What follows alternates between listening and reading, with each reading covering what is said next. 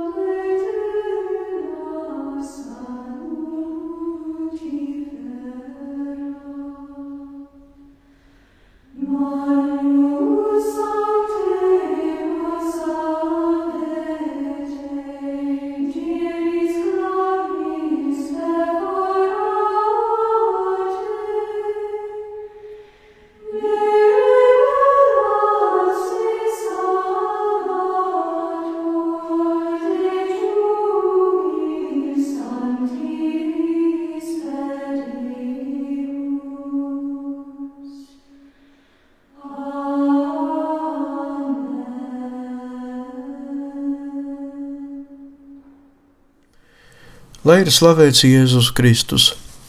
Cienījami radījuma arī klausītāji, ētera skan raidījums par visiem svētajiem, un pie mikrofona esmu es, Priesteris Vjačeslavs. Šis raidījums ir veltīts pirmajai hinduistu izcelsmes svētajai, māsai Alfonsai no bezvainīgās ieņemšanas, kuru svēto kārtā iecēla pāvests Benedikts 16. 2008. gada 12. oktobrī Romā. Anna Mutatho Padathu piedzima 1910. gada 19. augustā Indijā, Kudumalorā. Var teikt, ka kopš piedzimšanas visa viņas dzīve bija ciešanu piepildīta. Agra bērnība pagāja pie vecvecākiem. 1920. gadā viņa, desmit gadu vecumā, nonāca savas ļoti despotiskās tantes, arī Annas mājās. Zinot, ka Anna ļoti vēlējās iestāties klosterī un veltīt sevi dievam, tante tik un tā no visa spēka centās piespiest viņu apprecēties. Tomēr Anna izrādījās nelokamas un stipras gribas cilvēks un nepiekāpās tantes vardarbības priekšā. Anna nodibināja kontaktus ar māsām Klarisēm un 1928. gadā iesāka postulātu viņu klosterī, pieņemot vārdu Alfonsa no bezvainīgās ieņemšanas. 1936. gada 12. augustā māsa Alfonsa salika ordeņa svētsolījumus. Lielāko daļu no dzīves klosterī māsai bija lemts nest daudzu slimību un garīgu ciešanu krustu, kuru viņa veltīja visvētākās Jēzus sirds godam. Nomira šī svētā māsa 1946. gada 28. jūlijā Indijas Bharamanganāmā. Ar to arī varētu pabeigt visu stāstījumu par šo svēto. Tomēr 1946. gada 28. jūlijas, kā jau to pateicu, ir diena, kurā māsa mierīgi un klusi aizgāja no šīs pasaules un piedzima debesīm. Pāris mirkļu pirms savas nāves viņa smaidot, pateica sava klostera māsai priekšniecei: Māte, manī mājo ideāls miers. Pēc divām dienām notika šīs klostermāsas pieticīgas bēres. Klostermāsas uz saviem pleciem nesa zārku, bērēs ņēma dalību vairāki priesteri un arī viņas radinieki, un nedaudzi bērni, kuri mācījās klostermāsu vadītajā skolā. Neraugoties uz to, ka Vairākus gadus māsa Alfonsa bija slimības krustā sista un daudziem cilvēkiem praktiski nepazīstama. Nākamos sešos gados pie viņas kapa nāca vai brauca tūkstošiem svētceļnieku no visas Indijas.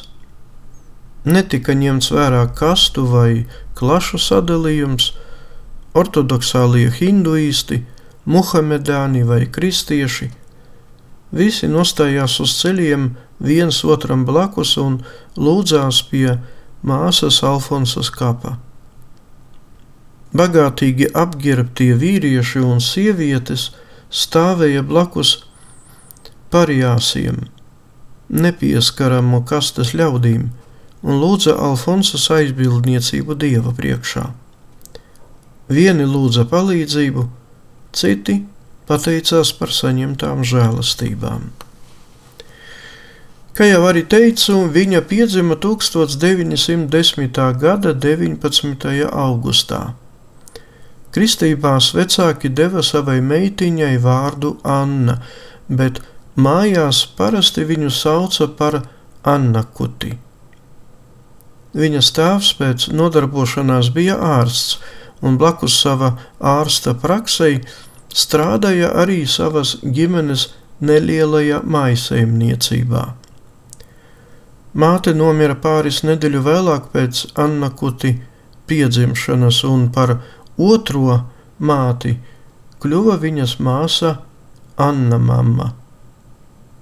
Bērnība pagāja salmiem klātā jumta mājā, kurā bija trīs nelielas istabiņas ar māla grīdu.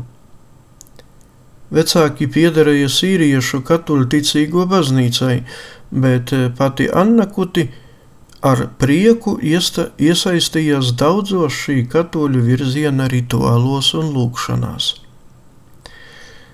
Anna Kuti ar diezgan lieliem panākumiem mācījās pamatskolā bija ļoti žēlsirdīga un parasti deva gandrīz kā visu no pārtikas, kas bija dotas tieši viņai.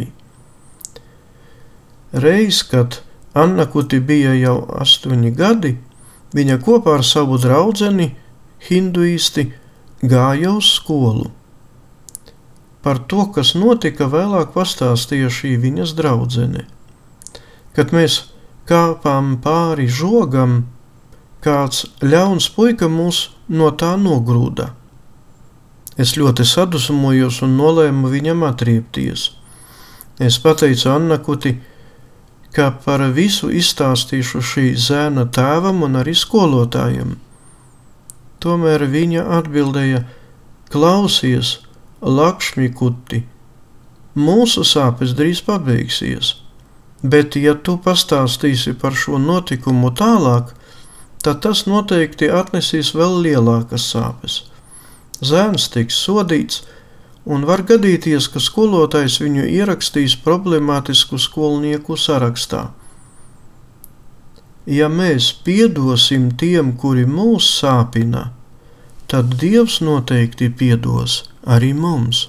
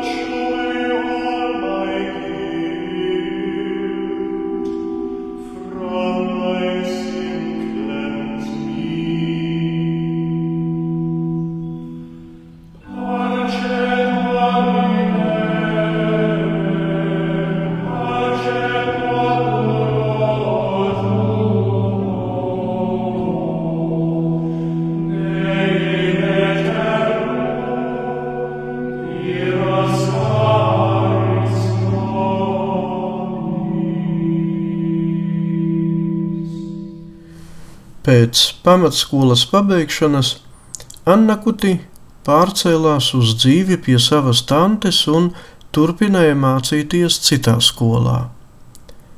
Kādu nakti Anna Kuti redzēja saudabīgu sapni. Kāda jauna karmelīte ieteica viņai iestāties klosterī. Anna Kutes tante, kurai savas meitas nebija, ļoti gribēja darīt laimīgu Annakuti un ik pēc laiciņa kāla plānus, kā pēc iespējas izdevīgāk viņu izprecināt. Kad Annakuti bija 12 gadi, pie viņas tantes gāja visi tie, kuri vēlējās apprecēties ar viņu. Tajos laikos varēja bieži gadīties, ka jaunietes tika izprecinātas ļoti agri. Iepazīstinoties ar visu iespējamo līgavaiņu sarakstu, Anna Kuti tante izvēlējās pārtikušās ģimenes dēlu. Pašu Anna Kuti neviens pat nepajautāja. Kad viņa par to visu uzzināja, viņa sāka karsti lūgties un nāca pie sava onkuļa ar lūgumu to nepieļaut. Tomēr sagatavošanas kāzām atlikt neizdevās.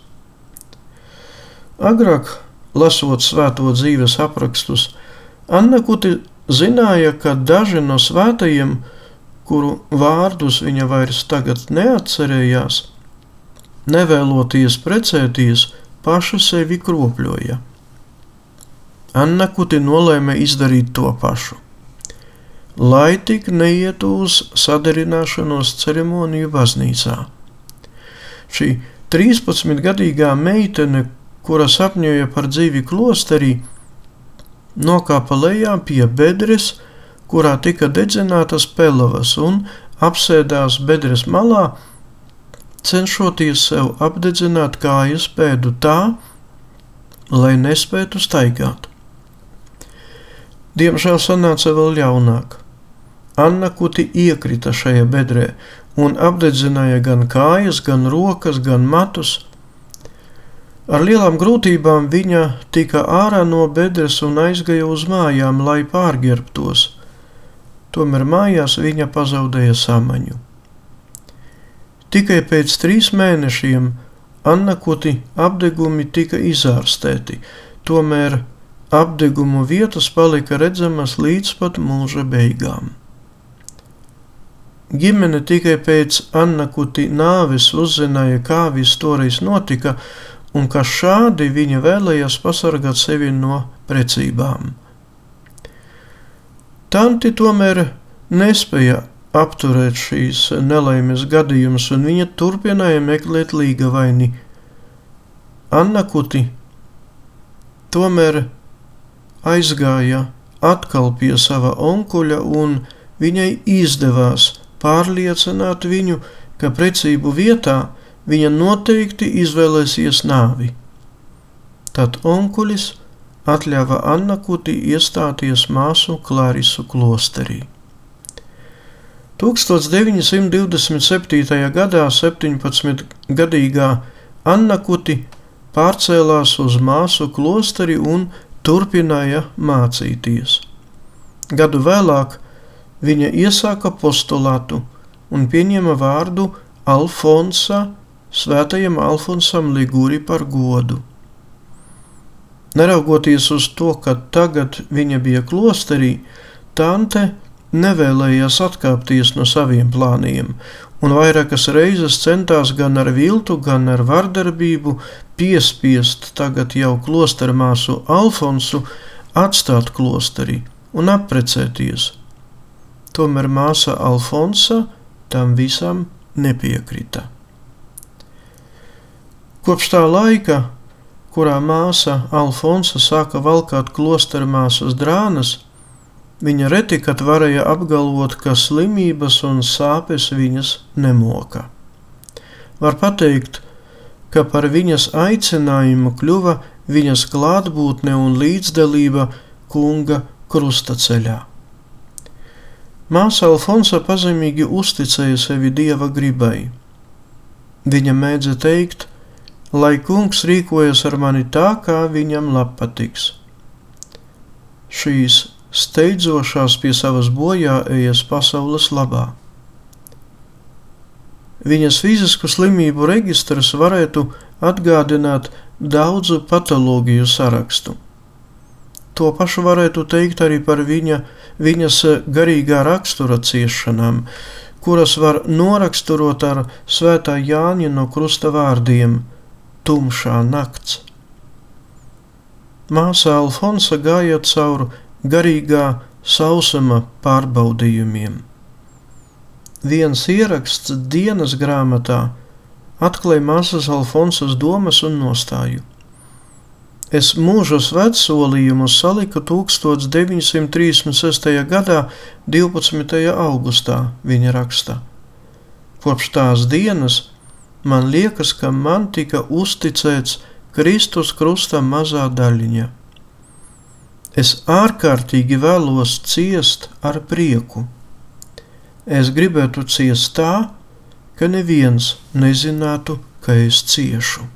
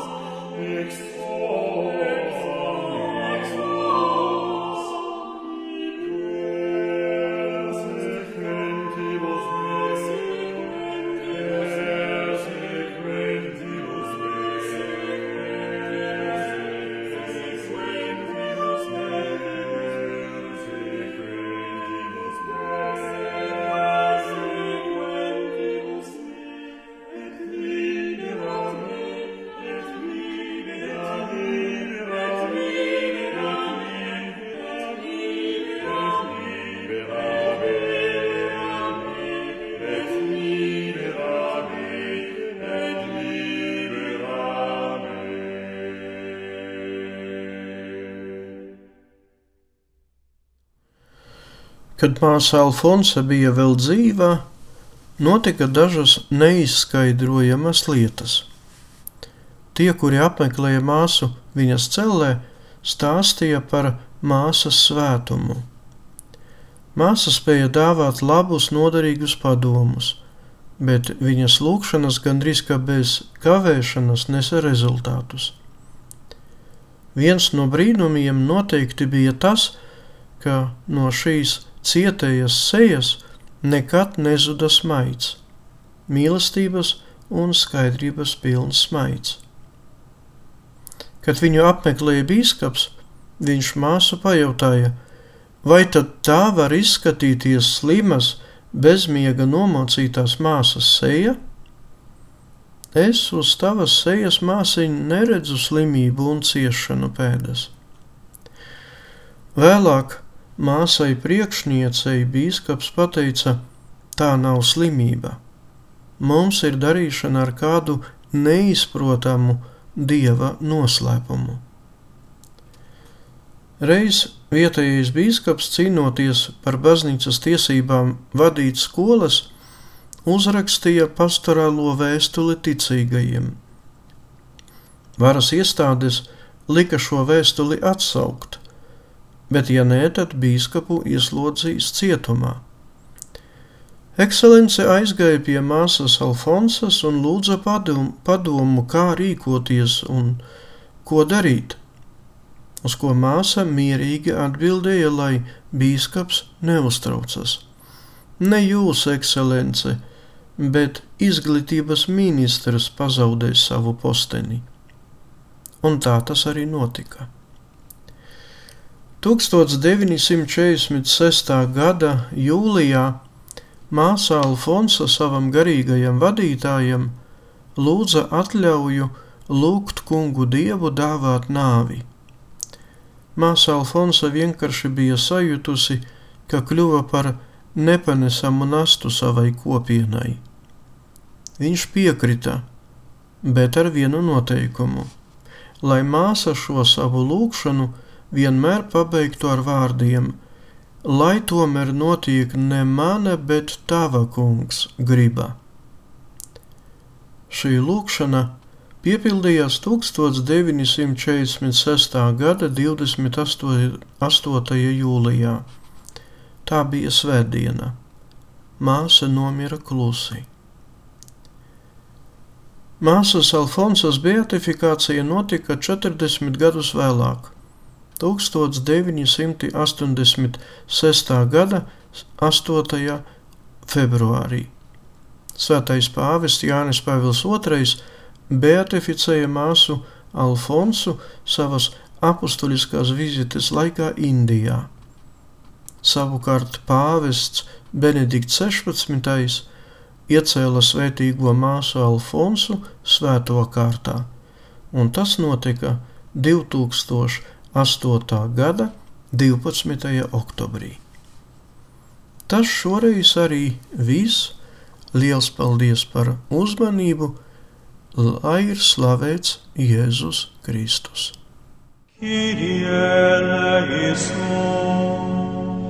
Raidījums Svētie. Katrā laikmetā ir dzīvojuši daudz svētie, un katrai paudzei tie ir un paliek kā dzīvās ticības liecinieki. Mocekļi, apliecinātāji, vīri un sievas, jaunieši un bērni. Svētie ir tik dažādi, gluži kā mēs, bet ir kāda īpašība, kura visus svētos vieno. Viņi mīlēja, mīlēja Dievu un cilvēkus. Raidījums par svētījumiem ir stāstījums par Dieva mīlestības reālo klātbūtni mūsu dzīvē. Santa Trinitas unus Deus, miserere nobis, Santa Maria, ora pro nobis,